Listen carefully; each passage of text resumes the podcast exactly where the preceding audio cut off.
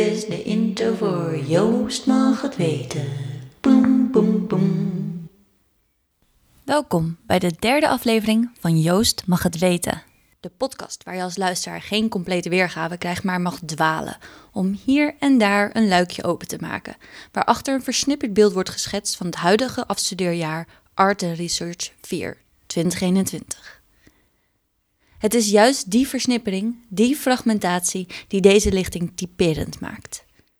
Wellicht dat de luisteraar in dezelfde gemoedstoestand kan treden als die van deze lichting. Namelijk één waarin het grote overzicht te bewaren bijna onbehapbaar wordt. Soms wegvalt en er ingezoomd kan worden op de details, waarmee er in zijn fragmentatie dan ook een hoop zichtbaar wordt. Deze podcast legt de nadruk op de vertakkingen van het makerschap haakt in elkaar waar nodig en deint mee op de golven van zij die al dobberend zoeken naar uitwisseling.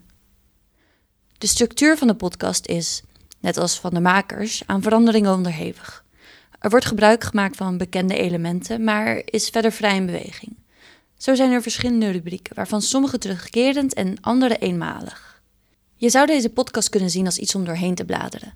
Het staat je dan ook vrij om met behulp van de inhoudsopgave hem te openen waar en wanneer je maar wilt. Voordat we uh, met de podcastaflevering gaan beginnen, gaan we eerst uh, thee drinken met elkaar. En voor dat thee drinken zijn een aantal handelingen die ik even van tevoren zal zeggen. Uh, allereerst gaan jullie allemaal om de beurt een theekopje pakken. En vervolgens zal ik de thee prepareren en dan gaan we voor elkaar de thee inschenken. Dus ik schenk voor Femke in, want die zit links van mij. Dan schenkt Femke voor Hanne in en zo gaan we het rondje rond. Ehm, verder is het servies helemaal handgemaakt door mij. Dus dat kan je ook in je achterhoofd houden wanneer je gaat drinken. En probeer vooral de thee heel zintuigelijk en bewust te ervaren. En verder gaan we het in stilte doen. Dus dat ehm, is wat ik even bij wilde zeggen.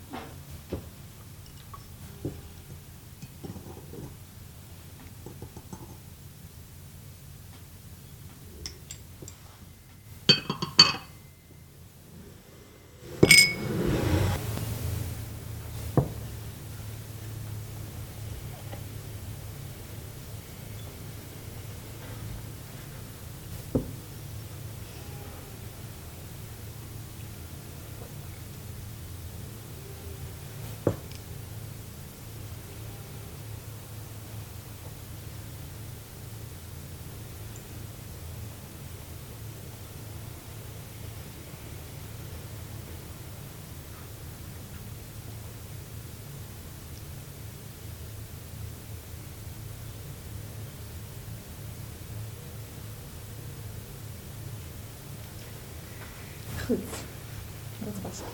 Thee drinken. Ik wilde even, even aan jullie vragen hoe jullie dat net vonden, dat thee drinken. Ik vond het heel fijn dat het, dat het warm was. Lekker warm thee, daar werd ik blij van. Uh, het rook ook lekker. Uh, de aandacht die we hadden voor het thee drinken vond ik heel fijn. Ik, ik merkte zelf dat ik wel uh, tot rust kwam in mijn hoofd. Mm. En mijn ademhaling meer ging letten. Dat, dat, dat een soort van meditatieve werking. Dat vond ik wel heel fijn. Mm -hmm. uh, Mooi. Ja. Ja, ik heb het ook wel een soort gelijk ervaren. Maar wat ik ook wel mooi vond om te merken is dat um, het ook een andere manier was om soort van de ruimte met elkaar te delen of zo. Omdat we in stilte bijeen zaten. Dus op een gegeven moment had ik zo'n gevoel van, oh, ik hou van deze mensen. Toen dacht ik, maar dat is ook gewoon dat je er dan even bij stilstaat of zo. Dat je met z'n allen bent en dan kijk je elkaar aan van, hm, we zijn lekker thee aan het drinken. Maar dan zeg je het niet of zo. Dus het lijkt alsof je een soort andere energie deelt dan. Heel mooi. Dus ik vond het heel mooi. En uh, ook omdat je het geluid opnam, ging je zelf automatisch ook luisteren naar hoe het water klinkt. Mm -hmm. En um, dat brengt ook ja, de aandacht uh, naar het moment van hier en nu. Uh, ja, misschien klinkt het heel uh, onfilosofisch. Maar ik heb een structureel probleem met thee drinken thuis. ik kan niet thee zetten en dan thee drinken. Het, uiteindelijk zet ik het ergens neer en dan denk ik er weer aan, is het altijd koud. Altijd. Ik denk dat dit een van de eerste keren is dat ik gewoon warme thee heb opgedronken in één keer. Terwijl iedereen ook kijkt. en het was een hele bijzondere ervaring. Dat ik dacht, oh, maar zo voelt het dus om in één keer warme thee te drinken. Mm -hmm. Dat is misschien een heel raar ding, maar...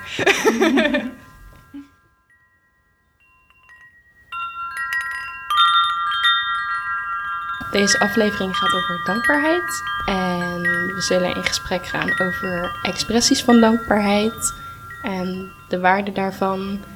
En uh, later in het gesprek wil ik ook nog even een tekst aanhalen die uh, de vrouwen hier ook allemaal hebben gelezen. Ik ben Isa en over vijf jaar koop ik met mijn vriend een, vriend een huis in Italië. Um, die we gaan opknappen en waar we kippen zullen hebben en Japanse kwartels en een hond. En idealiter ook een uh, soort extra huis erbij waar misschien mijn ouders kunnen wonen en waar ik mensen kan uitnodigen en waar ik een, uh, een pottenbakstudio kan hebben. Ja, dat is gewoon een utopische gedachte voor mij in de toekomst. Jee, utopie. um, mijn naam is Femke. Ik ga over vijf jaar op bezoek in, naar Italië bij Isa. in haar nieuwe huis. uh, op mijn motor. ja. Met mijn gitaar. Oeh. Want dan kan ik nog beter gitaar spelen over vijf jaar. Oeh. Heel nice. Ik ben Hanne. En ik wil wel mee op de roadtrip naar Italië. Achterop. ja. En ja, over vijf jaar um, ben ik ook bezig met andere mensen ondersteunen met het optekenen van hun levensverhalen.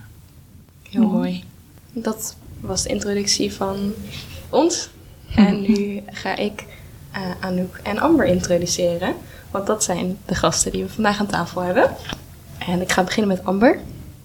Allereerst heel erg bedankt dat je hier bent. Bedankt. Amber heeft veel respect voor alles en iedereen om haar heen. Ik bewonder Amber haar nieuwsgierigheid en aandacht. Wanneer ik met Amber praat, kijkt ze me met haar grote groene nieuwsgierige ogen aan. En luistert ze aandachtig en verschijnt er vaak een grote warme lach op haar gezicht. Door haar rustige uitstraling en houding voel ik me snel op mijn gemak bij haar. Amber schildert en tekent veel, experimenteert met formaat. Ik zou haar werken niet per se figuratief noemen, maar ook niet echt abstract. Amber laat niet makkelijk over zich heen lopen en maakt zich hard voor haar eigen ideeën over kunst. En dat bewonder en respecteer ik enorm. Ik ben benieuwd naar wat jouw leven na de academie zal brengen. Oh, wat, wat lief. Anouk, ook heel erg bedankt dat je hier bent. Anouk fascineert mij vaak. Ze stelt goede en scherpe vragen en komt heel zelfverzekerd over. Echt een krachtige vrouw is Anouk. Gesprekken met Anouk zijn altijd waardevol. Vragen die ze me stelt spoken vaak nog in mijn hoofd, op een goede manier. De werken die Anouk maakt, zetten je aan het denken. Ze zijn erg kritisch. Uitkomsten van Anouk haar kritisch denken. Ook zitten er vaak humoristische elementen in. Kortom, Anouk is erg interessant en eh, is een erg interessant en talentvolle vrouw die mij blijft verbazen en fascineren. Mooi. Een tijdje terug heb ik een nieuw woord geleerd die ik aan jullie zou willen vertellen. En ook kent hem misschien al, want jij eh, kent Japans en leert Japans. Het is een Japans woord, namelijk itadakimasu. Oh. ja, die ken ik wel. En Wat eigenlijk eh, letterlijk vertaald betekent ik accepteer of ik ontvang. Ehm, het is een expressie van dankbaarheid. Dankbaarheid voor eten. En de mensen, eigenlijk dankbaarheid voor de mensen die bij het hele proces betrokken zijn. Me- mensen zeggen het meestal voordat ze gaan eten, zeggen ze itadakimasu met een bepaalde handeling erbij. Degene die het gekookt heeft, de vissers of de boeren die ervoor gezorgd hebben dat eh, ja, de ingrediënten die in het maal gebruikt zijn, ehm, dat jij hen daarvoor bedankt. Dankbaarheid voor de zon en de regen en de frisse lucht. Ehm, ik vond het een heel fascinerend woord. Ik heb het gevoel dat wij eigenlijk niet echt van dat soort expressies van dankbaarheid hebben binnen onze cultuur. Ik kan me wel herinneren dat ik vroeger, ehm, wanneer ik dan bij mijn opa en oma was, die waren christelijk, dat ik dan voor het eten moest zeggen, Heere zegen deze spijzen aan me. Wat eigenlijk ook een soort, ja, het is bidden voor het eten, maar het is eigenlijk ook ehm, om hem de maaltijd te aanvaarden als een gift van God. Dus er zit wel iets vergelijkbaars in, maar het is meer, denk ik, om God te bedanken en niet zozeer om alle mensen die bij dat hele proces betrokken zijn te bedanken. Dus dat vond ik heel bijzonder. En ja, ik was eigenlijk wel benieuwd naar hoe jullie daarover denken. Over expressies van dankbaarheid en wat de waarde daarvan is. Waarom doen mensen dat? Zouden wij misschien meer aandacht daaraan moeten geven in de westerse wereld? Ik denk het wel. Ik- ja, ik ben ook wel gelovig opgevoed. En dan, eh, als kind heb ik wel gebid. Maar op een gegeven moment stopte dat. Werd het niet meer zo belangrijk. Ja, het was gewoon dat, dat als kind besloot dat ik niet meer gelovig was. En mijn ouders zich dan ook minder, denk ik, de behoefte voelden om dat, met ons dat te doen. Maar zo even stilstaan voor het eten was denk ik wel iets fijns. maar deed je dat dan ook bewust? Dat je echt daarbij stil stond? Of Misschien zei je, eigenlijk ging je niet. meer bidden omdat je Ja, dacht misschien van... eigenlijk ook Ik niet wil eens, eten, dus ik moet dit even zeggen. Van, tenminste, dat had ik dan als ik bij mijn opa en oma was. Was het echt zo, hier zeggen dit spijs aan.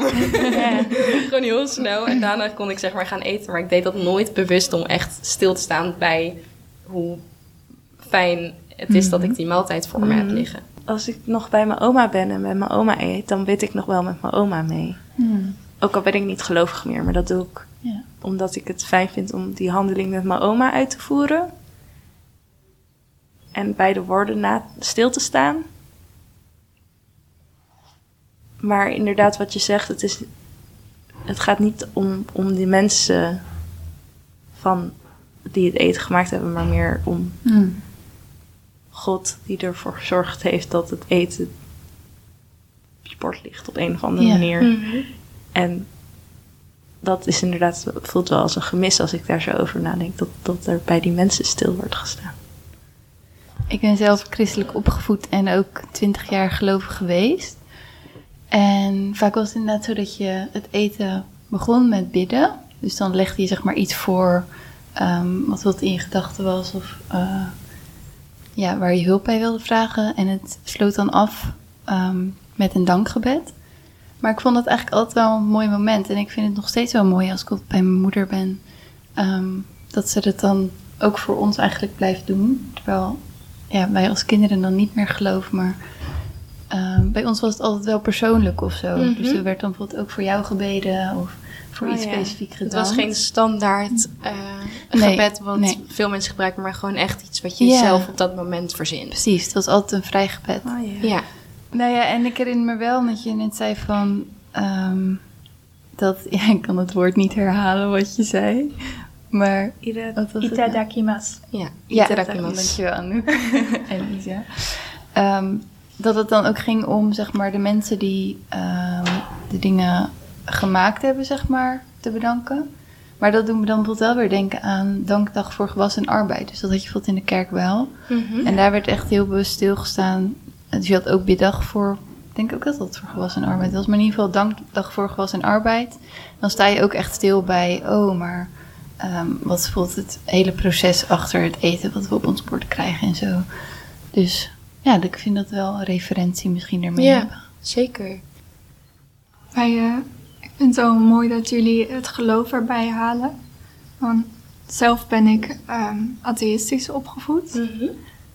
En eh, ja, daar is eigenlijk vanaf ehm kleins af aan ehm, is mij wel geleerd, zeg maar, om dankbaar te zijn voor kleine dingen.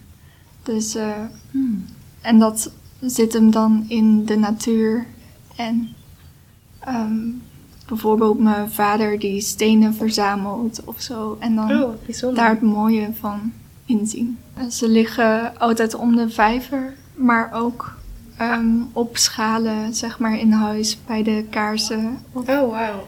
En eh, af en toe neem ik er mezelf zelf ook eentje mee naar boven om eh, op mijn eigen vensterbank te zetten. En hoe voelt dat dan als die steen daar ligt? Er zitten dan mineralen bij en kristallen een beetje af en toe. Oh, dus oh, het voelt leuk. altijd wel beschermend, als ik dat zo Mhm. mag zeggen. Ja, tuurlijk. Ik vind het heel interessant om van jullie, zeg maar, Hanna en Femke te horen over het geloof. En dat jij dan atheïstisch bent opgevoed, Amber. En ik ben zelf, zeg maar, ook eh, niet gelovig opgevoed. Mijn ouders heel belangrijk vonden is dat we altijd van alle geloven of hoofdgeloven wat mee zouden krijgen. En daar informatie van hadden. Maar ik heb ook meerdere vriendjes gehad die wel gelovig waren. Dus dat ik dan aan tafel moest zitten. En dan had ik bijvoorbeeld 20 jaar nooit eh, moeten bidden. En dan zit ik aan een tafel waar ik opeens wel moet gaan bidden. Wat voor mij eh, best wel een heftig moment was. Omdat ik dacht van ja, waar bid ik heen? Waar bid ik over? Waar, Ja. waar, ik kan moeilijk naar God bidden, want dat voelt een beetje hypocriet. En denk ik, ja, die mensen die geloven echt, dan kan ik dat nu niet doen. Dus daar ben ik eh, mijn eigen vorm voor gaan zoeken. Oké, Mhm. als ik dan niet kan bidden naar God, kan ik dan ergens, waar sta ik wel achter? Mhm. En toen ben ik dat dus gaan zoeken in die dankbaarheid. Oké, ik heb nu eten op tafel. Ik ben heel blij dat ik nu eten op tafel heb. Dus gewoon van, ik weet niet wie of wat je bent, maar bedankt dat er nu eten op tafel eh, zit of staat. Of dankbaar over iets anders moois wat was gebeurd. Of over, over de corona, dat ik was van, eh, alsjeblieft laat het niet te langer duren. En Mm. ik ben dankbaar dat we in ieder geval nu nog allemaal gezond zijn. Mm. En allemaal varianten ervan. Dus dat vind ik Ja. dan ook wel interessant. Ik heb ook wel eens gehoord van iemand dat wanneer je bidt of een soort iets vertelt tegen God of zo, dat je eigenlijk ook een soort gesprek met jezelf aan het voeren bent. Dat vond ik ook wel heel interessant. Ah ja. Nou ja, ik, ik bid en dank nog wel eens. Maar dan naar het universum. Oh ja. dus dat is soort van voor mij... eh, ja, zeg maar op het moment dat- ik niet meer geloofde... was er toch een soort gat dat ik dacht... ja, maar ik wil wel ergens die zingeving behouden of zo. Want eh, bijvoorbeeld inderdaad bidden of danken... is gewoon, zijn bijvoorbeeld echt bewuste momenten... waarbij je bijvoorbeeld bij bidden intuned op... oh, maar wat speelt er eigenlijk met me? Waar kan ik misschien hulp bij gebruiken? En ja, bij danken sowieso expressie van dankbaarheid. Dat is denk ik gewoon een hele, ja, ik weet niet, soort van, ehm, soort mooie levensenergie die daar vrijkomt of zo, als je je dankbaarheid uit. Omdat je dan meteen, ook al voel je je angstig, als je je daarop gaat richten, dan ehm, verandert er gewoon iets van binnen of zo, lijkt wel. Ja. Alsof je jezelf er ook een beetje mee kan ja, ver- omringen of zo, verzorgen. Zo voelt het voor mij. Ja. Voor zorgen vind ik ook inderdaad wel heel mooi. Dit doet me ook denken aan een soort ritueel. Mhm. Of een soort, ja, ne- net als wat we net gedaan hebben eh, met dat thee drinken. voelde ook als een ritueel. Volgens mij door rituelen in je leven toe te passen, kan je zulke soort dankbaarheidsmomenten cre- momenten creëren. Mhm. Ja. En ik merk dat als ik meer routine, Mhm. routine, ritueel lijkt een beetje op elkaar, eh, in mijn leven heb, dat ik ook rust, ru- meer rust voel in mijn Mhm. leven. En dat die dankbaarheid misschien ook makkelijker kan Mhm. komen. Eh, bijvoorbeeld, ik probeer nu elke ochtend zonnebrandcrème op te doen voor mijn gezicht, om mijn gezicht te beschermen. Omdat ik dankbaar ben voor de huid die ik heb en daar graag heel voorzichtig mee om wil gaan. En daar, om daar elke ochtend bij stil te staan, vind ik nu is iets wat ik nu een paar maanden doe en wat ik heel prettig vind. Ook een heel mooi voorbeeld. Ja, heel mooi. Misschien dat dat servies maken met een gezin ook een soort ritueel kan zijn. Mhm. Dan wel een gezamenlijk ritueel. Vertel eens wat meer over gezamenlijk servies maken. Ja. Even voor de luisteraar thuis inderdaad. Ehm, ik ben nu dus bezig met een eh, idee wat ik een tijdje geleden kreeg. Eigenlijk aan de hand van... ehm, ja, ik was aan het schrijven over mijn dromen. En toen moest ik ook denken aan dat Japanse woord waar ik het net over had, itadakimasu. Omdat ik dat... ehm, ja, ik heb, dat was dus een nieuw woord wat ik had geleerd van mijn vriend eigenlijk. Want hij heeft eh, een half jaar in Japan gewoond. Hij was daar op uitwisseling, dus hij heeft best wel veel van die cultuur meegekregen. Hij weet er nog steeds niet heel veel van natuurlijk, maar in ieder geval veel meer dan ik. En toen vertelde hij daarover en dat vond ik heel bijzonder. En toen ging ik dus nadenken over ehm, wat ik misschien wilde doen in de toekomst. Ging ik die droomscenario's uitschrijven en toen kwam daar eigenlijk uit dat ik een workshop zou willen geven aan ehm, kinderen of kinderen met ouders. En iets waar ik toen gelijk aan dacht was koken met dankbaarheid. En dat kwam dus eigenlijk ook een beetje uit dat woord wat ik had geleerd. Dat ik dacht van, oh, misschien is dat wel iets heel moois om met elkaar te doen. En eigenlijk aan de hand daarvan kwam een idee, ehm, namelijk dat ik met eh, gezinnen, eh, dat ik die zou willen uitnodigen. Gewoon een gezin bij mij thuis en dat ik met hun een servies wil gaan maken. Dus dat iedereen zijn eigen eh, bord of kom of iets gaat maken waar ze graag van af willen eten. Misschien ook ehm, eet een bepaald gezin een gerecht heel vaak of zo. En dan maken ze een bord wat speciaal voor dat gerecht passend is. Ehm, en ja, dat leek mij wel heel mooi dat ze dat dan thuis kunnen gebruiken. eh, met elkaar vanaf kunnen eten en een soort moment kunnen creëren. Misschien ook wel een soort ritueel of expressie. Ehm, en wat ik ook wel interessant vond, is dat het misschien ook een soort portret kan zijn of zo van dat gezin.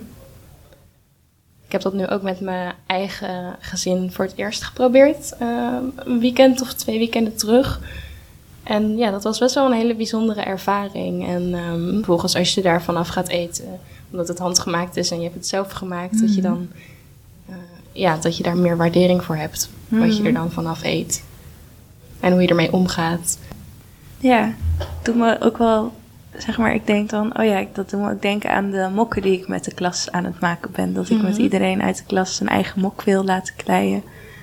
Dat, er, dat ik hoop dat de klas zich ook verantwoordelijk zal voelen Ja. over de mok die die heeft gemaakt. En, en ik ben benieuwd naar eh, of, of dan bij jullie ook misschien die vorm van dankbaarheid in jullie praktijk terugkomt.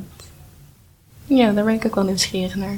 Jazeker. Ik denk ehm, de dankbaarheid is ook een manier van kijken op het leven, denk ik dan gelijk aan weer die eh, kleine dingen. En dat komt zeker qua details heel erg terug in mijn werk en qua eh, kleine elementen uit het dagelijkse leven waar je dan eh, bij stilstaat. Dus dat probeer ik wel zoveel mogelijk mee te nemen in het werk. Tof. Bijna. Ik vind eh, de positie van een kunstenaar sowieso de positie van dankbaarheid. Ik ben daar heel erg druk mee bezig in mijn onderzoek. Dat eigenlijk de kunst een van de weinige velden heeft die een unieke positie heeft. Het kan zich met de maatschappij bemoeien zonder zich aan de regels van de maatschappij te hoeven houden. En dat is eigenlijk best wel uniek. Want op heel veel vlakken ligt overal eigenlijk een laagje censuur over. En de kunst is een van de weinige plekken waar je echt open kunt over uitspreken. Zonder je aan al die regeltjes te moeten houden om de politiek correct te kunnen houden. En ik ben daar wel heel dankbaar voor dat, dat, dat ik daardoor een stem krijg. Dat ik me daardoor kan uiten door vorm van kunst. En dat ik ook werken kan maken die eh, ja, tegen die regels ingaan en die dat ook durven te bevragen. En dat dat ja, niet volgens iedereen, maar volgens de meeste mensen dat dat gewoon kan. Maar is dat echt zo? Ik heb het gevoel dat de laatste tijd, ja, dat mensen zich toch wel heel erg bewust zijn van wat ze wel of niet kunnen doen, ook binnen de kunst. Dat het kan je echt alles maken. Ja. Dat, dat ook als je kijkt naar wat voor maatschappij en de cancelcultuur waarin we nu ja, leven. Met 15 ook, dat werkt. Ja, dat er best wel veel ook censuur nog bestaat in de kunstwereld. Ja. Ja, letterlijk en figuurlijk kan je alles maken, of niet? Ja, Ja. eigenlijk wel. Kan, kan je dat wel als, Ja. als überhaupt als mens? Want aan de ene kant sta ik er dan achter waarom sommige dingen ehm, niet kunnen. Maar aan de andere kant denk ik ook van, maar hoe ver kan je gaan? Want het is wel censuur. En tot hoe ver kan dat censuur gaan eigenlijk?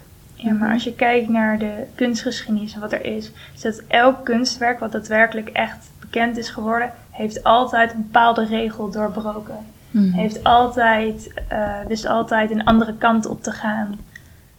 Ik bedoel, als je al gaat naar Marcel Duchamp, met dat je gewoon een wc-pol pakt, gewoon neerzet en zegt, hé, hey, dit is werk. Dat was ongekend, dat kon gewoon Mhm. toen niet. En de kunstenaar is voor mij de enige die dat kan door, doorbreken. Die daar echt ehm, ja, tegenin komt gaan. En je moet het niet doen als het niet goed voelt of het past niet bij je of het is niet Mhm. je motivatie. Het moet wel authentiek of echt zijn. Mhm. Maar ik denk wel dat het, dat het kan. Daar heb ik wel een, ehm, een aanvulling op, want dan heb je het eigenlijk ook alleen over westerse kunst. Want je zei heel veel of alle kunstenaars. En er is dus bij andere culturen wel echt eh, hele andere kunstvormen, Mhm. waarbij hele andere waarden van toepassing zijn. We zetten zo erg een stempel op dit is kunst, van Mhm. hedendaagse kunst. En eh, terwijl het lijkt dan alsof andere kunstvormen helemaal worden uitgesloten. Mhm. Eh, kunst is een, heeft een bepaalde identiteit dat het de grenzen op kan zoeken en mag zoeken. En ik, ja, ik snap dat die dankbaarheid daarin zit, omdat je dankbaar bent dat eh, het wel een soort van vrijgevochten omgeving is, waar, Ja. waar ook niet per se wordt verwacht dat het gelijk op een correcte manier gebeurt. Maar kunst is ook een plek waar dat ook niet per se hoeft. Mag, voor mij en denk ook voor anderen. Ja, ik, ik spreek nu even vanuit mezelf misschien. Dus het mag ook gewoon mooi zijn. Of mag ook eh, kleurrijk zijn. Of beeld. Of lelijk. lelijk. Of inderdaad, Ja. zeg maar, het hoeft niet per se vrijgevochten te zijn. Ja. Ja. En dat, die dankbaarheid voelt Amber misschien weer. Klopt Ja. dat? Ik weet het. Ja, klopt. Ja? En ook ehm, dat, ja, want we hebben zo erg eh, ons focus gericht op hedendaagse kunst. Mhm. Terwijl juist dit gespreksonderwerp leidt naar eh, andere Ah, ja. culturen en naar eh, waar bijvoorbeeld daar zitten de rituelen bijvoorbeeld gekoppeld aan kunst. Ja. Als ik dat zo kan zeggen. Ja, dat sluit denk ik ook mooi. wel aan bij dat veel mensen ook in de klas voor mijn gevoel op zoek zijn naar soort alternatieve modellen van de kunst die juist Ja. een beetje afwijken van dat hedendaag of dat beeld waar jij het eigenlijk over hebt, Amber. Mhm. En ik heb dat zelf ook wel. Ik denk dat ik mijn kunstpraktijk misschien ook meer voor ogen zie als een soort kunst tussen het alledaagse en die kunstwereld in of zo. En dat het ook misschien een soort alternatief kan bieden of wat toegankelijker is. Dat had ik ook al met die, ja, met die workshop. Dat was eigenlijk de eerste keer dat ik tegen mijn ouders ging vertellen wat ik op, ja, over dat idee wat ik had. En ehm, over kunst en over onze school. Dat was eigenlijk het eerste moment dat ik daar echt met mijn ouders over sprak. Ik liet wel af en toe dingen zien, wat ik maakte of zo, maar ik ging er nooit echt op in. Maar nu liet ik ze het eigenlijk echt een soort van zelf ervaren of zo. En dat vond ik wel heel fijn, omdat het daardoor een stuk toegankelijker voelde. En wat ik eigenlijk misschien nog het allermooiste vond, was dat ik met mijn eh, moeder in de auto zat naar school om het eh, servies, wat we dus hadden gemaakt, naar school te brengen. En dat ze met een vriendin aan het bellen was. En ehm, dat ze toen dus ging vertellen over die workshop, omdat we dat toen dat weekend hadden gedaan. En ze ging vertellen over die dankbaarheid en over gewoon waar we het over hebben gehad, wat ik eigenlijk uit heb gelegd aan mijn ouders. En daar ging ze gewoon in haar eigen woorden heel mooi over vertellen tegen die vriendin. En dat vond ik heel. Toen dacht ik van ja, dit is eigenlijk wat ik wil. Want het wordt op die manier veel toegankelijker. Op die manier wordt het echt een soort van gedeeld. En dat wil ik heel graag. Het voelt alsof het je blij maakt dat het dicht bij het leven komt. Ja, ja dat is, is Ja. heel mooi gezegd. Ja. Maar ik vind het wel mooi dat je dan die, die, juist waar ik het over had, die vrijheid hebt. En wat die kunst dan ook biedt. Dat jij, als, als dat voor jou goed servies kan maken en workshop kan geven. Dat jij een, een tafel kan bouwen. Dat jij bezig kan zijn met sluiers. En het, het maakt gewoon allemaal niet uit, weet je. Het is helemaal prima. Het, is allemaal gewoon een vorm van kunst. En het is hoe jij dat weergeeft. En dat dat gewoon kan. Ja. Het is gewoon onze opleiding, wat we doen, waar we op afstuderen. Is hoe dat voor jullie voelt en hoe jullie dat vormgeven. Ja. Ja, wat ik eigenlijk ook heel mooi vind aan kunst is dat het, dat heb ik ook wel meerdere mensen horen zeggen, dat het een soort taal is. Wat je, en dat er dingen soort van ervaren kunnen worden of bereikt kunnen worden die je niet met, met woorden kan of door te spreken, maar dat het echt in de ervaring zit of in de handeling zit. En dat vind ik, ja, dat vind ik wel eigenlijk heel mooi om het als een soort taal te zien.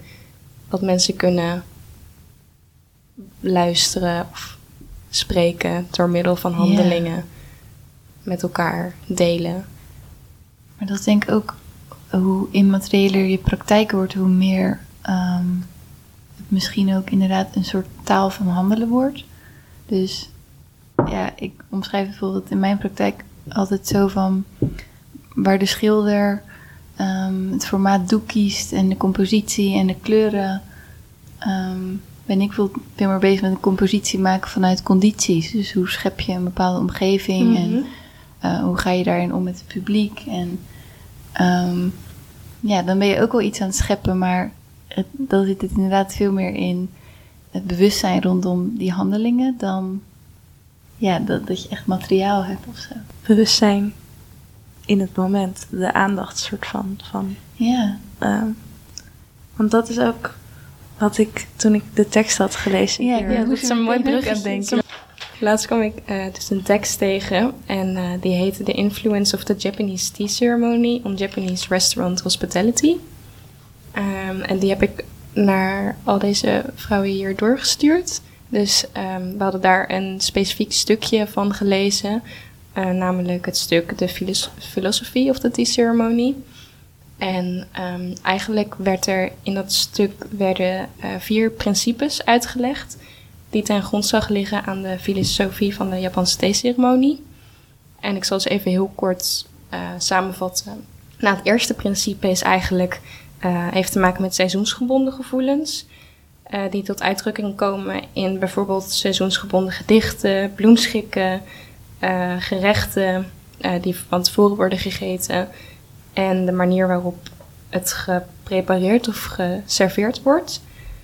Ehm, en eigenlijk weerspiegelt het de boeddhistische nadruk op de vergankelijkheid van de fysieke wereld, of eigenlijk de vergankelijkheid van alles. Het tweede principe ehm, betreft het vieren van het alledaagse door het gebruik van alledaagse voorwerpen. Dat vond ik ook heel erg mooi. En daar wordt ingegaan op het Japanse woord wabi. Ook een woord met heel veel betekenissen, net als dat eh, woord wat ik aan het begin noemde eigenlijk. Ehm, en dat woord heeft eigenlijk te maken met de eh, schoonheid van simpliciteit en armoede. Het is een woord met meerdere dimensies. Verder heb je nog het derde principe, wat gaat over geritualiseerde sociale interacties. Eigenlijk een overdreven geritualiseerde versie eh, van de gebruikelijke Japanse omgangsvormen of etiketten eh, tussen gast en gastheer. En het laatste principe ehm, gaat over wederzijds begrip tussen de gast en gastheer. Eigenlijk jezelf verplaatsen in de schoenen van een ander ehm, en proberen te anticiperen op hun verlangens. Dus dat was even voor de luisteraar en voor jullie ook een korte samenvatting van waar de tekst over ging. En dan gaan we nu even terug naar het brugje van Femke. We hadden het over kunst en wat het is. Mhm. En dat het voor mijn gevoel altijd aandacht is op iets, iets leggen. Dus aandacht. En die aandacht visueel maken of beleefbaar maken. En met zo'n ritueel is dat, dat vind ik met die zo'n theeceremonie heel mooi, dat dat alledaagse daardoor heel erg belicht wordt. Ehm, en wat, wat, wat ik ook heb opgeschreven, wat, me, wat ik heel mooi vond uit de tekst, is die nadruk op die imperfectie. Mhm. Soms voelt het alsof het in de kunst die imperfectie niet aanwezig mag zijn. Ik denk door, de, door het klinken, het imago die het heeft, white cube. Al- eh, en dat het heel presenteerbaar moet zijn. Mhm. Ja. Wat soms wel eens een hoge drempel voor. wa- Wat het een beetje soms elitair kan maken, of niet voor iedereen, of voor maar een bepaalde groep. Ja. En ik denk dat waar wij mee bezig zijn, het doorbreken van, die, Van dat model. van dat model, van dat perfecte model en het alledaagse opzoeken. En oh, ik vind dat Wabi echt, ik wil daar heel graag meer over Ja. weten, want Ik ook. dat vind ik zo interessant. Ja. Ik denk dat dat perfect aansluit met waar we mee bezig zijn. ja, dat denk ik ook. Ja, ik heb het gevoel dat wij nu veel te erg bezig zijn met ehm, hoe ga je van formeel naar informeel. Ja. Dat wij ons daar een soort van aan het kijken zijn wat daar nieuwe vormen zijn die we kunnen inzetten. Dat het onderzoekend leven wordt of zo, in Ja. plaats van dat het in een museum wordt of in een expositie. En hoe denken jullie daarover? Ehm, nou, ik ben vorig jaar heel erg bezig geweest met kunst voor de gewone man. En wat de gewone man dan eigenlijk inhoudt. De doorsnee persoon. Ik wilde die door elite doorbreken en terug naar kunst wat voor iedereen begrijpbaar was. En eigenlijk allemaal gekeken van, oké, wat maakt het dat jij nog eh, mee kan doen? Want ik wil nooit dat kunst een bepaalde groep uitsluit. Ik ehm, eh, moet ook denken aan dat ik met Hanne best wel een tijd terug dat wij een gesprek hadden van over. Toen hadden we net een, eigenlijk een les gehad van Gwyneth over machtsstructuren binnen de kunstwereld. en toen hadden wij daar een gesprek over en we hadden echt een soort, we begonnen echt een soort afkeer te krijgen voor die kunstwereld. Dat we echt gewoon dachten van, dat, daar passen we niet of dat willen we helemaal niet of zo. Maar ik vind het wel mooi dat dat nu, dat we meer naar een soort alternatief aan het zoeken zijn of Ja. zo. Om wel, toch wel in die kunstwereld te zitten, maar niet in dat gebied wat ons zo afschrikt eigenlijk. Ja. Kun je meer vertellen over dat gebied? Ja, misschien is dat ook het idee van het hebben van een individuele kunstpraktijk, wat denk ik altijd wel een standaard is geweest. En je dan Mhm. Eigenlijk echt, ja, je, je heel erg daar als kunstenaar je positie in moet nemen en jezelf soort op de markt moet zetten. En ik denk dat wij sowieso dat idee van, oh, dat het dan eh, ons werk commerciële waarde zou moeten gaan dragen, heel erg soort van aan de integriteit zou gaan knagen direct. Dus dat dat sowieso iets was waarvan we dachten, ja, nee, dat is gewoon niet iets wat we willen of zo. Maar dan wel Mhm. tegelijkertijd, om dan meteen in te haken wat het dan wel zou moeten zijn, opzoeken van, ja, hoe, hoe kan er ook ruimte komen voor die sensitiviteit en voor eh, die integriteit, zeg maar, dat, dat het niet onderhevig raakt aan het systeem waarin wij moeten functioneren als kunstenaar. En dan ben je toch op zoek naar nieuwe omgevingen waar ehm, dat toch kan blijven bestaan en Ja. floreren of zo. Een soort ook wat bescheidener of zo. Bescheidenere kunstenaars. Ja, en denk ook, zoek toch naar hoe kan een praktijk ook meer open zijn en toegankelijk voor anderen. Dus niet Ja. alleen ehm, de manifestatie van de individuele kunstenaar, maar hoe kunnen anderen ook betrokken worden? Of hoe kan je een collectief vormen? ja, dat heeft Femke ook ja. heel erg inderdaad. Hoe kan je je ideeën delen? Ja, zeker. Dus dat zo, ja. Is dat een beetje een antwoord op eh, je vraag, Anne? Ja, ja, zeker. Ja. Kan je je er ook in herkennen?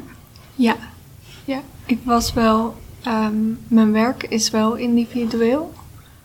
Maar eh, ik wil inderdaad niet zo standaard in mijn eentje in een atelier zitten. Dat individuele beeld waar je het over hebt, dat. ehm, ja, dat lijkt me ook niet van nu. Of zo. Nee. Ja. Ja. En wat, wat zou jij dan als alternatief zien, zeg maar, voor jezelf? Ehm, daar heb ik nog niet over eh, nagedacht. Maar wel, ehm, maar wel dat ik het eh, voel binnen de school. Dat dat er is, de, Mm. het collectieve gevoel. Ja. Ja, ik ben ook heel erg blij dat, dat we... Want je kan je natuurlijk laten afschrikken door iets, maar... Ik denk dat wij ons niet laten ontmoedigen. En dat vind ik wel een heel fijn gevoel of zo. Ik denk dat we in onze klas weer heel erg op zoek zijn naar inderdaad gewoon in plaats van soort bij de pakken neerzetten en denken, nou dan eh, gaan we maar wat anders doen met ons leven. Gewoon kijken, nee, maar hoe kan er juist een soort transformatie ontstaan en wel ruimte vrijkomen voor ook dit soort eh, praktijken? Ja. Dat het belang sterk gevoeld wordt. Ja. Dat dat nodig is. Of dat, Mhm. het, dat het ook mogelijk is. Ja. Ja. Maar wat ik me dan eh, afvraag als ik dan dit hoor, wat ik echt super mooi vind trouwens hoor. Ehm, zijn er dan ook samenwerkingen mogelijk met mensen die soort van meer type beeld maken wat ik maak bijvoorbeeld? Wat misschien iets minder eh, een bescheiden karakter heeft. Ik eh, maak graag beeld wat gebruik maakt van meestal controversiële elementen of bepaalde elementen in beeld dat mensen uitdaagt eh, om net een stapje verder eh, te doen. Zo zou ik het eigenlijk nu het meest omschrijven. Mhm. Maar ja, ik heb ook het gevoel dat bij jou ook niet per se heel... Aan de ene kant wel individueel, maar ook wat je net vertelde over wat je met die mensen... Dat was binnen je stage, toch? Ja, Ja, bent wat je heel met die mensen hebt gedaan. Heel maatschappelijk, inderdaad. Ja. Je probeert wel echt mensen erbij te betrekken. Je ziet bij jou heel erg dat je een soort projectmatig werkt en je ook heel erg in een thema duikt en dat heel belangrijk vindt dat dat ook onderdeel is van het werk of zo. Maar jouw vraag was eigenlijk of daar dan ook een samenwerking bijvoorbeeld in kan ontstaan. Ja, Ja, Nou, ik denk het wel. ja zeker. Dat denk ik zeker. want hoe zie je dat voor, me, voor je? Want ik zie hier drie mensen die heel erg soort van in dezelfde hoek zitten. Mhm.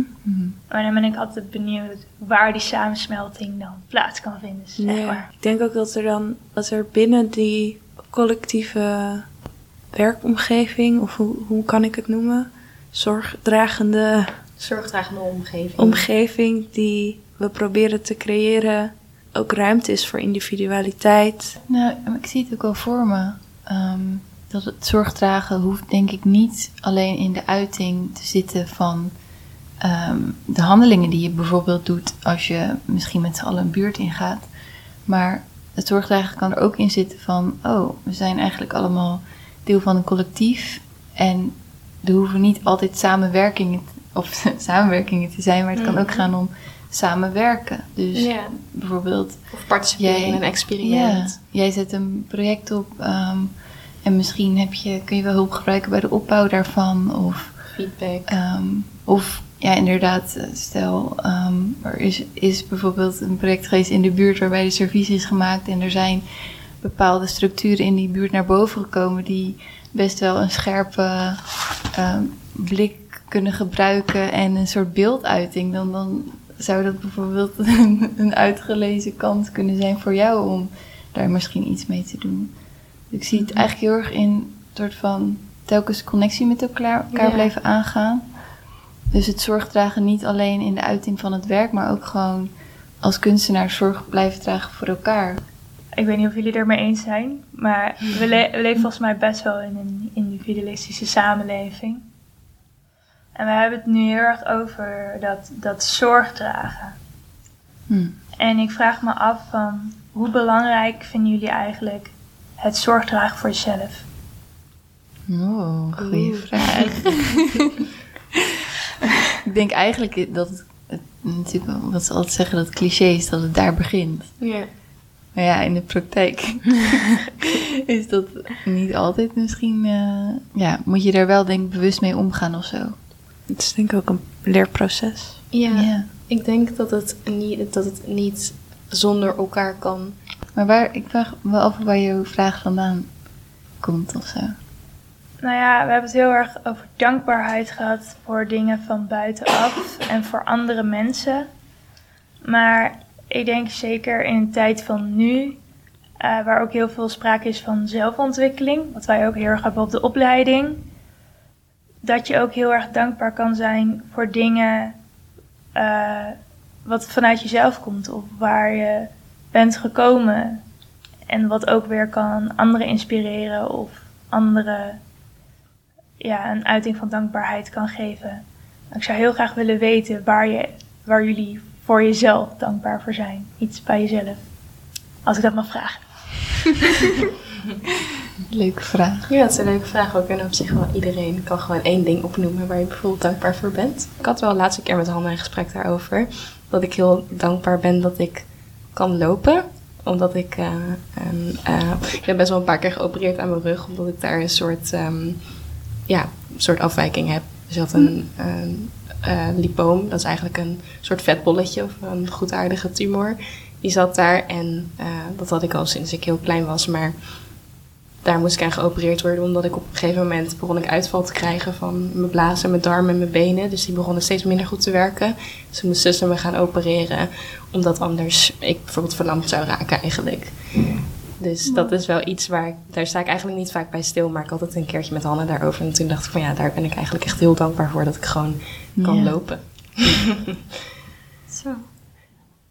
Maar is dat nog steeds, dat is, ja, is dat een dankbaarheid naar jezelf of naar de dokters? Of dat dat, is- je gezond bent, zeg je Ja. eigenlijk. Ja, dat ik Dat je gezond lichaam ben. sterk is? Of, Ja. of wacht. Ja, dat is het want wel. ik Genezen. onderhoud mijn eigen lichaam wel. Ja, en ik ja. probeer wel bijvoorbeeld mijn benen te trainen en zo. Dus dat heb ik wel zelf onder controle. Ja, Dus op dat opzicht wel. Maar dat wat ik net uitlegde was eigenlijk ook weer dankbaarheid naar de dokters die me gewoon... maar ook denk ik de heling die daarna nog moet plaatsvinden na, na zo'n operatie. Ja. ja, dat is wel iets waar je zelf doorheen gaat. En Ehm, gewoon überhaupt ook mentaal daar doorheen gaan. Is ook mhm. iets om dankbaar voor te zijn dat je dat doorstaan hebt. Ja, dus inderdaad gewoon... Ik ben dankbaar dat ik gezond ben. ja. Ik denk dat ik wel dankbaar ben voor de nieuwsgierigheid die in mij zit. Ik ben ook een soort van niet bang om domme vragen te stellen. Ik heb, ik heb dat nooit als ervaren als dat er domme vragen bestaan. En ik vraag heel vaak dingen die ik misschien wel half weet, maar, maar dan toch beter wil weten. Of, of ook een soort van op die, die manier graag open wil stellen voor alle kennis die, Ja. in, de, die in een ander kan, die een ander kan bezitten, waarvan ik misschien nog wat kan leren. En in die zin ook graag. Ik geloof dat iedereen wel een soort van iets kan vertellen wat ik nog niet weet. En Ja. die nieuwsgierigheid vind ik van mezelf wel heel fijn om te hebben, omdat ik daardoor wel heel veel leer. Dat is heel mooi inderdaad. ja super mooi. Dat is, daar heb ik ook echt heel veel bewondering voor. En dat vind ik ook echt heel... Ja, dat herken ik echt heel erg wat je zegt Ja. van bij jou dan. En daar heb ik zelf ook gewoon... Eigenlijk heb ik daar ook van jou een soort van van geleerd van... Ja? Ik kan gewoon... Ik kan gewoon... Ik hoef niet bang zijn om een, Ik hoef niet bang te zijn om een vraag te stellen. Dat... Ja. ik word er emotioneel van. Nee, maar het klopt gewoon heel erg wat je zegt. Dus dat vind ik heel bijzonder. Ja. Dankjewel.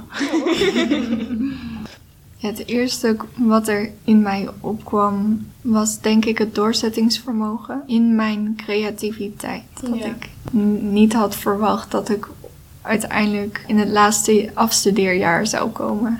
Mooi. Dat is ook, ja, dat is ook iets wat ik echt wel heel erg bij jou heb gezien afgelopen jaar, omdat we natuurlijk met jou in de klas hebben gezeten. Dat doorzettingsvermogen is inderdaad echt eh, een hele mooie, iets heel moois wat je hebt. Ja, Ja, en dankjewel. ook dat die groei echt heel erg zichtbaar is Ja. daarin. ook. Zeker. Hmm. Ja. Oké. Ik ben echt een ander mens dan vier jaar geleden ja, daarin. sowieso. En heel erg in gegroeid. Ik vind het heel fijn als je die groei inderdaad, als je dat kan zien. Hmm. Het is echt Ja. heel, eh, heel waardevol. Mooi dat jullie dat ook zien. Dat, ja, Ja, dat bevestigt het alleen maar. Ja. Ja. Mhm. dat is ook belangrijk om even te zeggen inderdaad. Ik moest aan denken dat ik ehm, de laatste tijd heel erg met het woord verwelkomen in mijn hoofd zit. Dus dat ik probeer ehm, ja, om mezelf meer te verwelkomen of zo. Ik denk dat het super makkelijk is om delen van jezelf eigenlijk heel snel af te schrijven of te willen dat het anders is. En ik merk bijvoorbeeld nu als ik me angstig voel, dat ik echt probeer om ehm, gewoon heel erg lief te zijn tegen mezelf. Dus bijvoorbeeld gewoon op mijn bed te gaan liggen en lekker warme deken om me heen, thee maken en het maar gewoon voelen. En dan echt gewoon zeggen tegen het gevoel van ja, welkom, gevoel van angst, wat- er is. Heel goed. Ik denk dat je als mens sowieso ja, die neiging snel hebt of zo, bepaalde delen van jezelf af te stoten, maar dat dat uiteindelijk soort van die zelfverlating misschien nog veel meer pijn doet dan dat een ander dat doet. En ik dacht pas gewoon van, wat nou als je verliefd wordt op jezelf? Hoe leuk is het leven dan? Ja. Heel mooi. Je moet een heel leven met jezelf leven. Dus ja, ik bedoel, vanmorgen werd ik ook wat angstig wakker. En toen, ik probeer elke dag een intentie te zetten voor mijn dag. En toen dacht ik, vandaag ga ik proberen zoveel mogelijk lieve gedachten te denken. Als ik dus een negatieve gedachte heb, gewoon eigenlijk denken, nee, nee. Gewoon, het is goed dat je nu in de trein zit. Het is goed dat je nu op weg bent. En gewoon meer, zeg maar, dat aandacht te geven. Heel mooi. Ja, supergoed. Ja, dus dat was wat in mij opkwam. Ja, om, zeg maar als mensen is het denk ik zo moeilijk om een soort van om, om onzekerheden bespreekbaar te maken. Dus- en ja, vind ik heel knap dat je dat gewoon zegt. Doet Dat, dat, dat, dat alles welkom is of zo. Of Ja. dat het niet, misschien is onzekerheid ook niet het juiste woord, maar die gevoeligheid of Ja. ge- überhaupt gevoelens bespreekbaar maken. Nou ja, Ja. inderdaad, het begin denk ik bij jezelf, het verwelkomen. Maar ik bedoel, toen ik hier vanmorgen op school kwam en even tegen jullie zei van... Oké, ik heb nog steeds angstige gevoelens. Hielp dat heel erg, omdat ik dan dat deel in mezelf gewoon ruimte geef Ja. of zo. Dus ja. Deel het altijd, want dan is, doe je het niet meer alleen, maar dan, Ja. we- dan hebben we het samen. Oh, ja. Ja, ik wilde ook gewoon je bedanken voor het delen daarvan. Want ik Ja. denk echt dat dat ook voor andere mensen die dat horen gewoon heel waardevol kan zijn. Hoe jij dat eigenlijk zelf heel mooi doet. Nee, maar supergoed. Heel erg bedankt voor het delen. Dat wilde ik even eerst zeggen. Lief. Want deze vraag deed precies wat ik hoopte wat het zou doen. en wat het bij mij vooral is, is dat ik heel erg dankbaar ben eh, voor mijn doorzettingsvermogen in combinatie met het durven vragen om hulp. Hmm. En het zijn voor mij echt dingen die echt samen gaan. Want ik weet dat er is een bepaald moment geweest in de opleiding dat ik eigenlijk fysiek en mentaal niet meer in staat was door omstandigheden om door te gaan. En dan is het heel moeilijk om dan eh, ja, daar eigenlijk niet over te praten. En ik heb daar toen ook met de nou ja, Filipien en Risk over gepraat. En die zeiden ook tegen mij van, eh, wat heel begrijpelijk was, van ja, weet je, je mag ook nu gewoon stoppen en dit is goed, dan is het ook gewoon nu klaar. Hmm.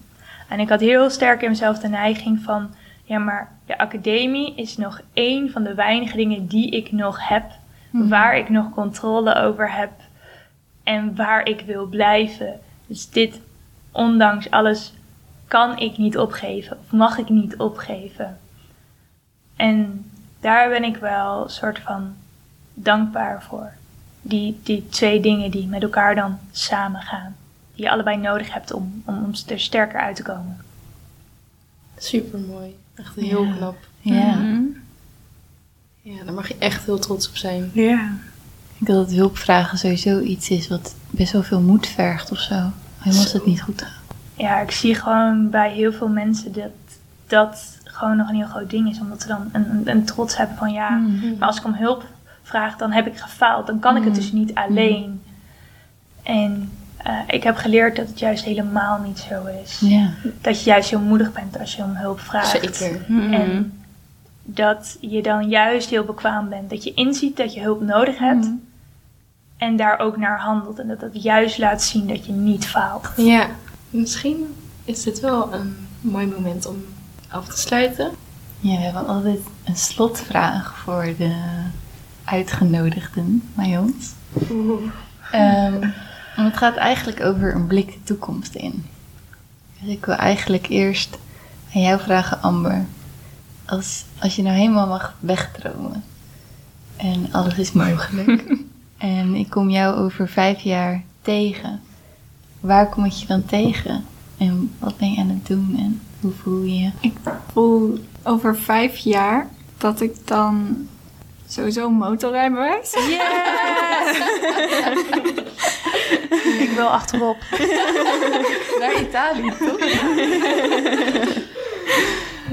En ik denk dat ik wel heb willen reizen. Ook al is het dichtbij, misschien naar Londen ben geweest voor een paar maanden. Of ehm, dat ik wel dingen gezien wil hebben. En ehm, daarbij zie ik mezelf als rechtbanktekenaar. Ja. Wauw, ja. En heel misschien een kindje. Nee. Dat zie ik over vijf jaar. Ja, heel mooi. Mhm. Dankjewel. Ja, en ik wil jou eigenlijk dezelfde vraag stellen als ik, over, als ik je over vijf jaar tegenkom. Nou, ik heb wel een plan wat ik over vijf jaar wil doen. Het is niet heel goed samen te vatten. Geeft niet. Maar het liefste wat ik wil doen, is gewoon toffe shit maken. gewoon, het maakt niet uit, maar gewoon iets waar ik van voel, oh, dit moet verteld worden. En of dat nou films worden, of het wordt een musical, of het wordt weet ik veel wat. Ik wil gewoon maken en creëren en gewoon toffe dingen doen in samenwerking met mensen. En gaan en zien wel waar, waar het schip strandt. Heel mooi. Hell yeah. Ik, ehm, ik wil jullie heel erg bedanken voor dit gesprek en dat jullie erbij wilden zijn. En eh, ja, ik vond het echt een super mooi en waardevol gesprek. En ik ben heel blij dat jullie bepaalde dingen gedeeld hebben. Dus heel erg bedankt. En luisteraars, bedankt voor het luisteren. Doei. Dag, dag. Hallo iedereen, welkom het huis waar ik zo online het gesprek aanga met Oscar Chantian. Omdat hij uit Ecuador komt, zal het gesprek in het Engels plaatsvinden. So, Oscar, you were a teacher in our third year. We know you as a very patient and knowledgeable teacher. You began in art as a self-taught artist and later studied at SCU, Virginia Commonwealth University in the United States. What do you mean by self-taught artist? And how does one become one? Yeah, well, um, I I think as many things in life, it can have it, that can happen because of the circumstances, or because you have consciously decided to do so. Uh, this the term self-taught basically means that you didn't have an education in a formal institution.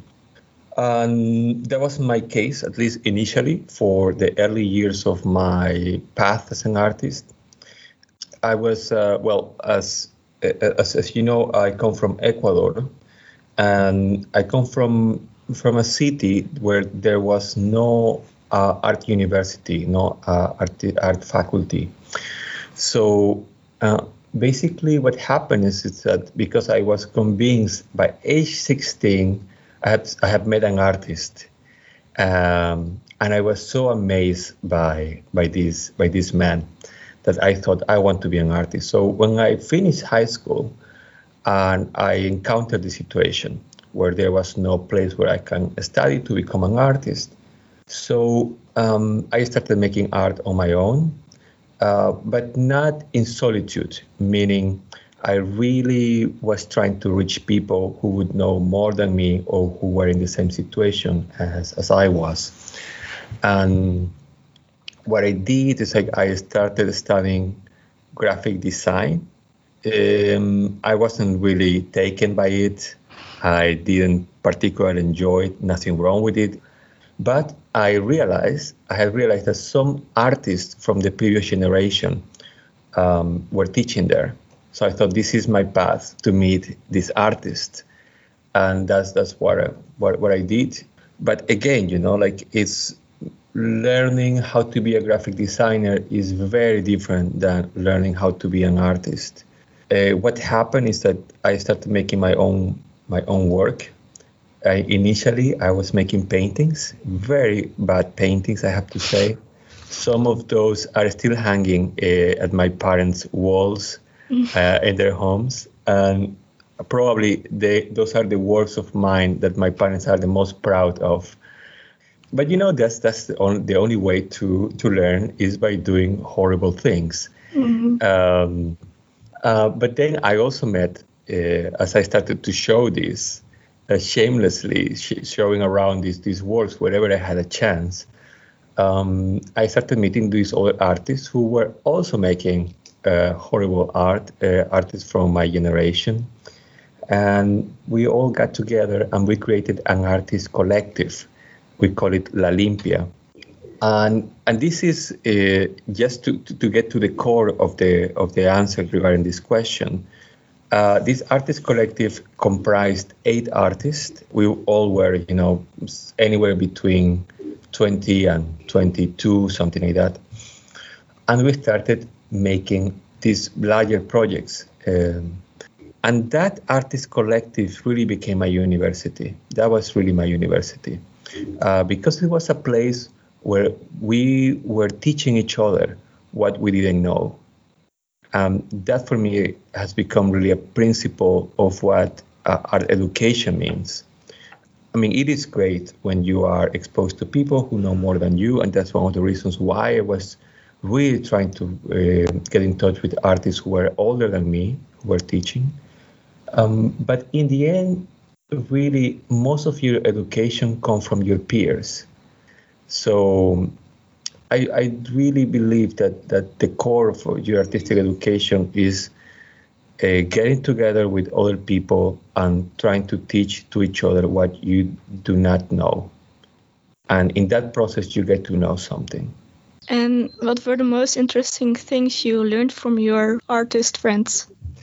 Oh, Well, let, let me tell you a couple of things. One, um, a, a very useful lesson about what doesn't work was very important there. So at the beginning, we were eight artists in the artist collective, and we thought that any decision that the collective took uh, was to be decided upon full agreement. So in a way, like the um, European Union, you know. And I realized that it was a, a very bad decision because to get eight artists to agree on anything was just impossible. And you know, there is also something else here, and this is more, more general, and it is that um, I feel for for us human beings, it's easier to agree on what is conventional, and it is harder to connect with others when they are speaking about something which hasn't been done yet, or it's a bit controversial, or goes against uh, the conventions. So it also means that there is a tendency in larger collectives. This is my belief. I have no proof that this is a fact.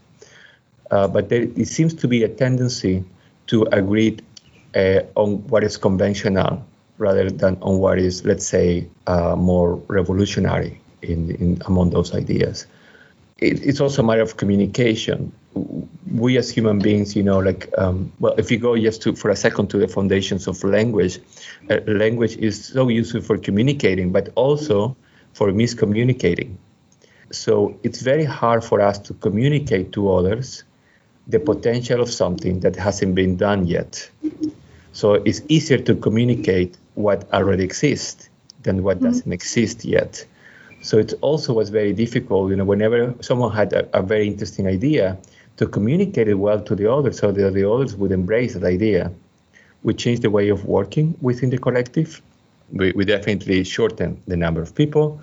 I mean, it's not a matter, really, it's not a matter about how many people are part of a collective, but it's a matter of commitment.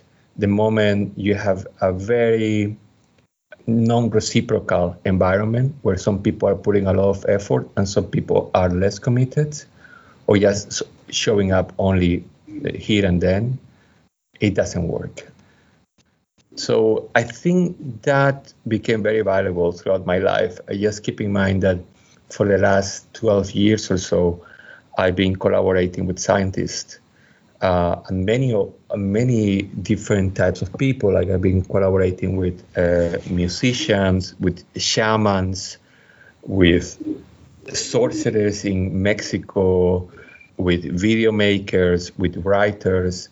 So my practice is that started at the beginning within collaborations with other artists allow me based on those lessons to be able to later on collaborate with people outside of the arts um, and that's been really really helpful throughout my life Mm. And can you tell me more about art world in Ecuador? hmm Yeah, the um, the the art scene in Ecuador is, split between the three major cities, and that's still the case. Quito, which is the capital, uh, then Guayaquil, which is on the coastal region or the lowlands. That's where I come from, and is just as big as as Quito, but doesn't have this kind of um, let's say, geopolitical uh, relevance. And lately, Cuenca, which is on the south, also in the highlands as Quito. And it's a smaller city, but with a large tradition of uh, craftsmanship. Keep in mind one thing, and this remains the case, unfortunately. Um, in, con- in most countries in the world, including Ecuador, there is no state support for the artists. Mm. So uh, there is no modern funds or anything like that. You have to find your way around. And this is really one of the reasons why so early on, being the case that there was no public funding, we learned with my friends that that money means different things to different people. Uh, for us, trying to earn some money by, let's say, selling some works, more sellable pieces, like let's say some drawings, paintings, little sculptures, things like that, meant that we could actually make most the more ambitious projects with the money we had, and also you know to make our living or try to make our living out of it. It's also hard because the market is tiny, um, but what what I, what I meant also by that is like you know like money for us meant dignity.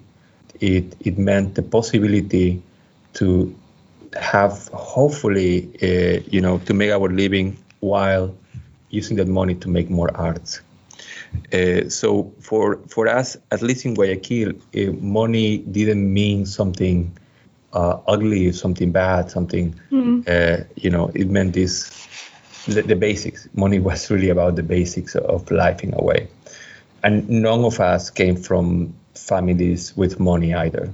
So we all came from you know um, humble families. So we really had to to to find our way around very early on. Um, and the, the art scene didn't have uh, the art scene only had one gallery at that point. This is a city of about three million people, um, and there was only one art gallery. Uh, there were no museums, so we also had to make our own spaces. So we also learned how to organize exhibitions ourselves, uh, how to reach people. It was a tiny, or and remains a, a tiny art scene in a very large city.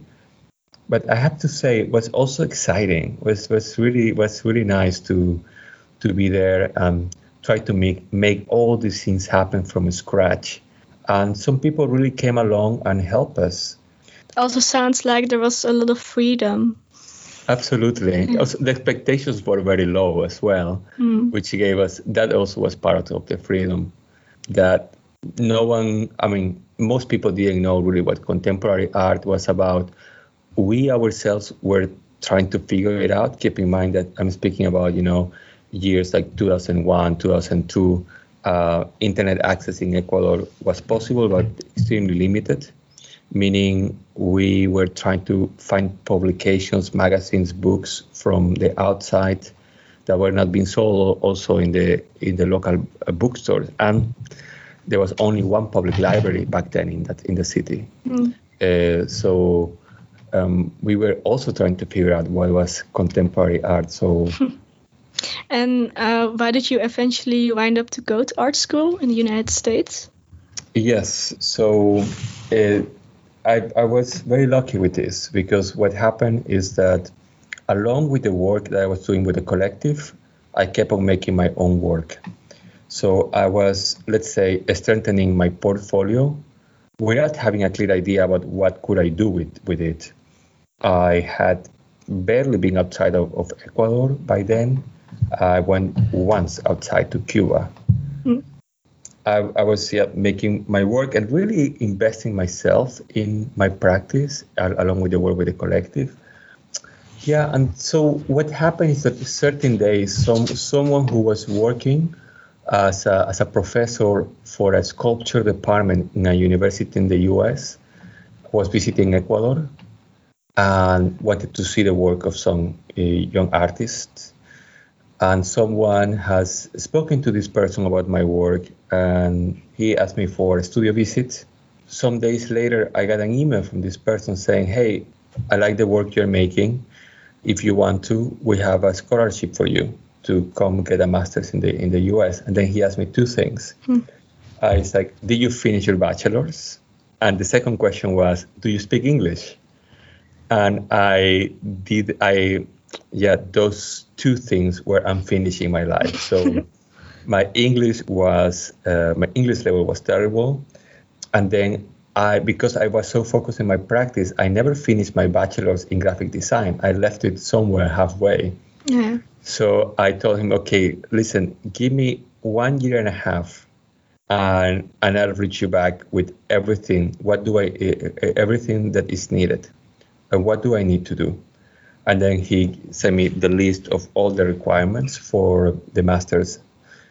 And then I taught English to myself uh, by watching um, this wonderful TV show from the 90s called um, Seinfeld. Oh, yeah. yeah.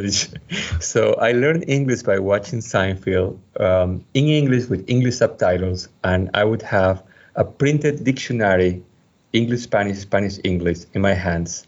And I would be basically translating every line and laughing like a minute after the joke took place. and that's that's how I I got to the US. And this this was initially not a program where I finished my master's actually. This was a program in Indiana.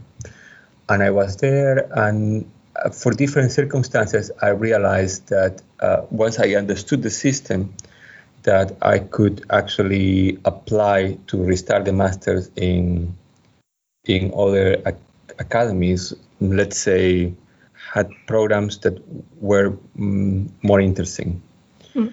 and so that's how the following year, this is 2009, I restarted my masters, um, moved from Indiana to Virginia, to Richmond, Virginia to do my master's in sculpture plus extended media at Virginia Commonwealth University.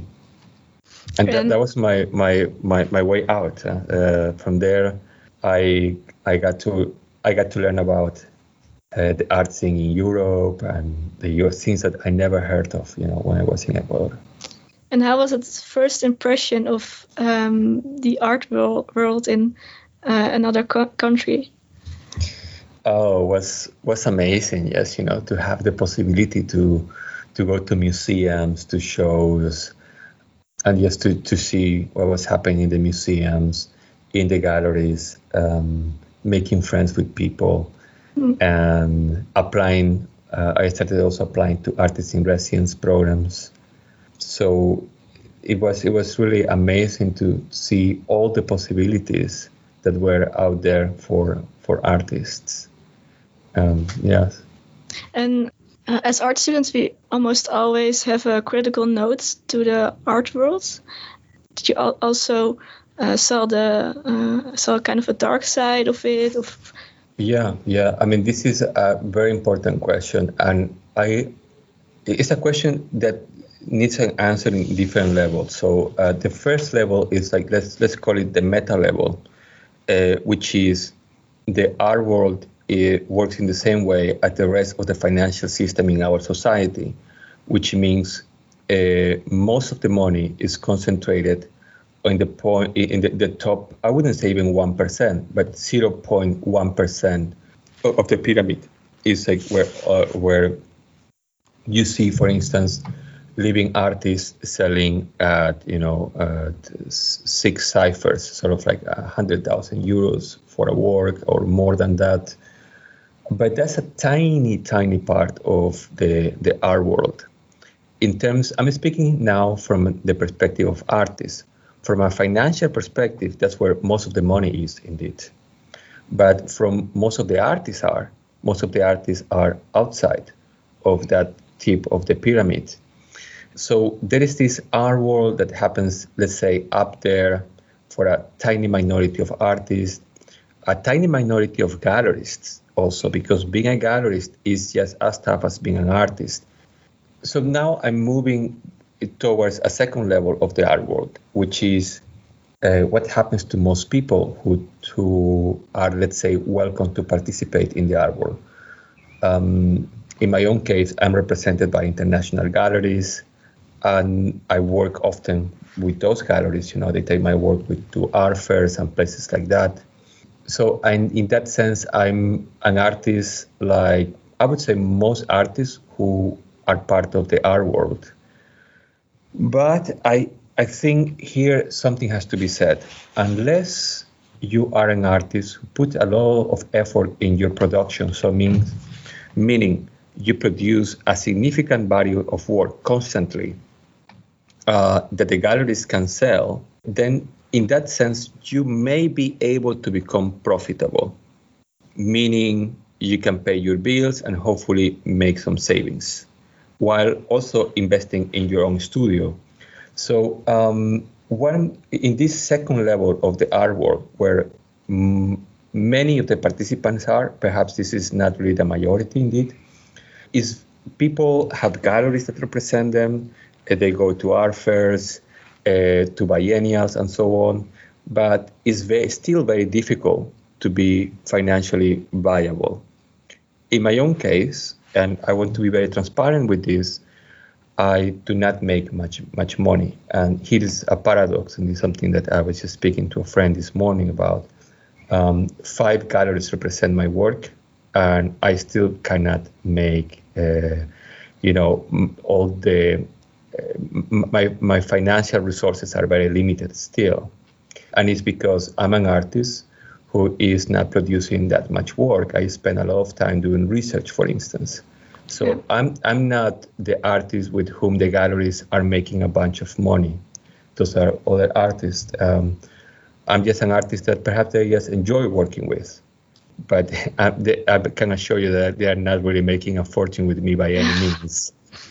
So I would say that part of the art market, I, I don't see it as corrupt. I would say I would say there is something very twisted on the very tip or the very top of the of the art market, where speculation is happening, money laundering is happening, where uh, like crazy prices are being paid, where it's, it's a club where only few people are are welcoming but it's, it's, it's unfortunate because that's the part of the art world that gets the most attention but is the is the tiniest one indeed yeah. and and then let's call it for a second within the art world like a bottom of the pyramid which is something that i would really like to talk about because this is something that i would like to to to mention but this is useful for for, uh, for you guys first of all, some young artists believe that if they are, as they call it, picked by a gallery, mm-hmm. somehow their financial problems are gone. Right from now on, they're saying they think, um, all right, this is this is it. So now I can just dedicate to my work, and and the the money is coming in, and that's definitely not true.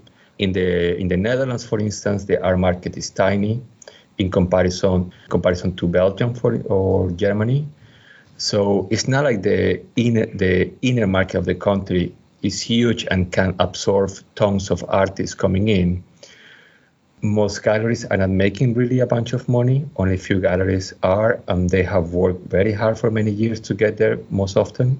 So there is a bunch of small galleries with their galleries that aspire to become middle middle galleries or you know to go to international fairs and so on and often they work in an unfair way and this is something also that has to be mentioned um, what is your uh, um, is important as a, as a as an artist to know what is fair to ask for and someone has to tell you because these manuals are not around right I, I, I I ask people to tell me how how what was it that I Mm. should ask and when I should say no to an opportunity or what look as an opportunity but really wasn't. So I would say to work with a gallery, you have to request at least the following. So if if the work is sold, it means that first the first part of, of the money that should be returned to the artist for production. So, so you have to know how much money you invested in producing something. It, that doesn't count your working hours, but in terms of material production of your work. So if you are making sculptures, let's say, how much do you invest in materials? So all, all of those costs goes as go as production costs. So whoever spend the production cost, sometimes the gallery gives you that money, uh, but most often young galleries do not, do not have those resources. So the artist covers all the production costs. So first, uh, from whatever is sold, uh, the production cost should be paid in return to the artist. And then for whatever is left, let's let's say something got sold for one one thousand euros, and let's say you invested two hundred euros in producing that piece. Then from those 1,000, 200 should be returned to you, and then from the pending 800, it is that money is split 50-50 with the gallery. Uh, so that's that's the normal agreement. So that's uh, productions first, and then for whatever is left, 50-50 with the gallery. Often, galleries do not like to pay for production. Do not like to return. They just say, okay, you, you sold it for 1,000, we're going to split it 50-50. That's not fair. That's unfair practice. Uh, so that's very important to know because, you know, I didn't know myself about Mm. this. Uh, and little by little, through other artists who very generously told me these things, I got to, to learn about it. But just uh, to, to, to, to finish the, the reflections on the on the art world, I think there are other levels of the art world as well, which is, for instance, artist-run initiatives. Mhm. In, in, in artist-run, I, I personally tend to divide these things in two ways. When a gallery invites me to show a work, I have different sets of standards. Another thing that the gallery should pay for is the transport of the work from the studio to the gallery. But what I was telling you is when I work with a gallery, I speak upfront very clearly, hey, you know, these are my expectations, and they are fair expectations. I don't ask for anything crazy. Eh, eh, eh, but then when I work or I'm invited by an artist run space, I become way more flexible because I know that these are people doing it because they love it. Often they do not get paid for for doing this. Um, so I, I have I have done things you know without asking for even the transport of the work often. Ideally, an artist run space should pay for the transport of the work, but sometimes they don't have the money, and if they are so often they are to your friends and they are just trying to, to do something. So that demands more, usually uh, more flexibility on the side of the artist. So just to just to tell you that there are all these different levels of the art world. So I personally oppose the very top of the pyramid. Yeah. Uh, but what most of what happens in the art world in terms of the dynamics between artists, curators, people trying to open galleries and things like that, my experience is very positive, and I don't see around. I don't see much corruption. I think most of the corruption is happening the top. really at the very top. Yeah. Yeah. So yeah. So I don't. I, I do not oppose the art world. I I oppose the top of the, of the pyramid. And is that one thing you would like to learn your students? Now you're a teacher. Yeah, so you know, one of the things that I've realized by um, my own practice is that it's very hard to learn within the um, um, academia how to collaborate with people outside of the arts, or even how to organize your artist collective in a way that becomes functional. Because it's, I mean, it's, you know, humans, human beings are complex, and human dynamics can be um, are filled with joy, but also with tension. Uh, but besides that, um, specifically in terms of working with people outside of, of the arts, I think that's something where I feel there is a lot of potential for expanding education in that regard. And personally, also in my own case, I'm trying more and more actively to communicate that uh, with the students. Yeah. And in what way did your own time at the Art Academy here at St. Joost shape your way of teaching? Mm. Well, I've been learning a lot, I have to say. And um, last year was the, the first semester I taught at, at St. Joost. Uh, I haven't really taught in before that in a number of years. Uh, the previous time I was teaching was probably like eight years before that. I was teaching in Philadelphia at the University of the Arts there, and but I've been during this whole time really um, hoping to get back to the academia because I really love mm-hmm. the academic environment. Uh, and so then from St. Just, the first thing that happened is that I was very happy with, with the with the group of people and one of the first things that also got me excited was a different approach that happened at St.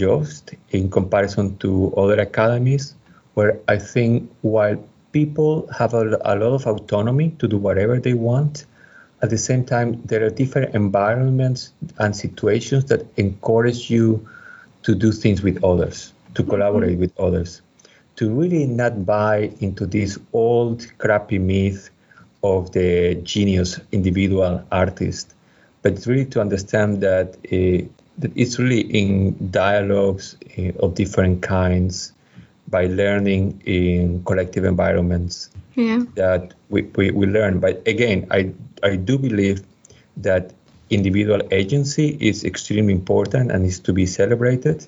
But at the same time, the the communal part of this is so important and you see it you know w- with covid let me just give you an example of what is happening right now that for me at least reinforces the notion that the approach of St. Joe's to encourage uh, group work is it's really uh, valid and is really needed in the art world.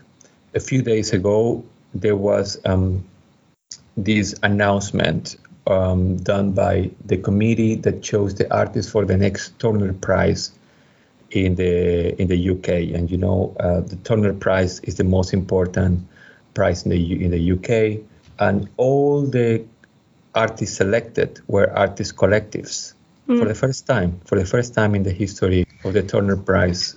I, I think that there is something of that ethos happening at St. Joe's that I think is it's really really wonderful and in order to generate, you know, as much as possible with all the mistakes that everyone is doing all the time because we are human beings.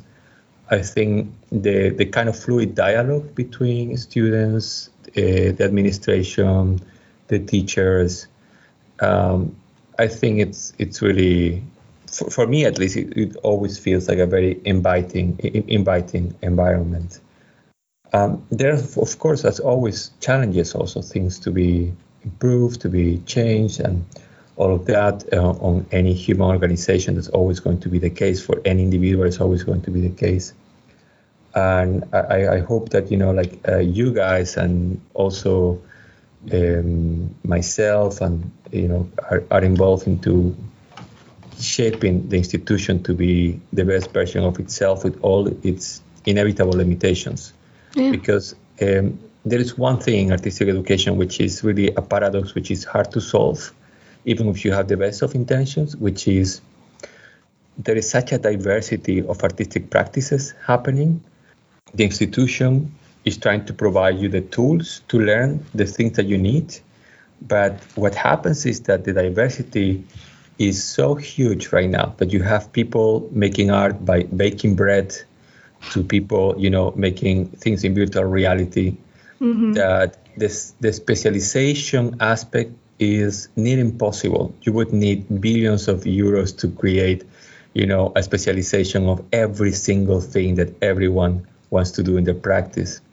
So I think uh, that that let's say tension or this creative tension between specialization and diversity of interests is is a riddle which is hard to solve in artistic education and I think that's something that uh, the, the academy is addressing and trying to, to find what is the, the best way to move forward with that. And well, there, there are other aspects of this, but um, th- those Yeah. are my thoughts so far. It's very interesting, and um, I think that was the last question for the interview. I want to thank you for the for the talk. It was uh, uh, really nice to hear your adventure in the art world.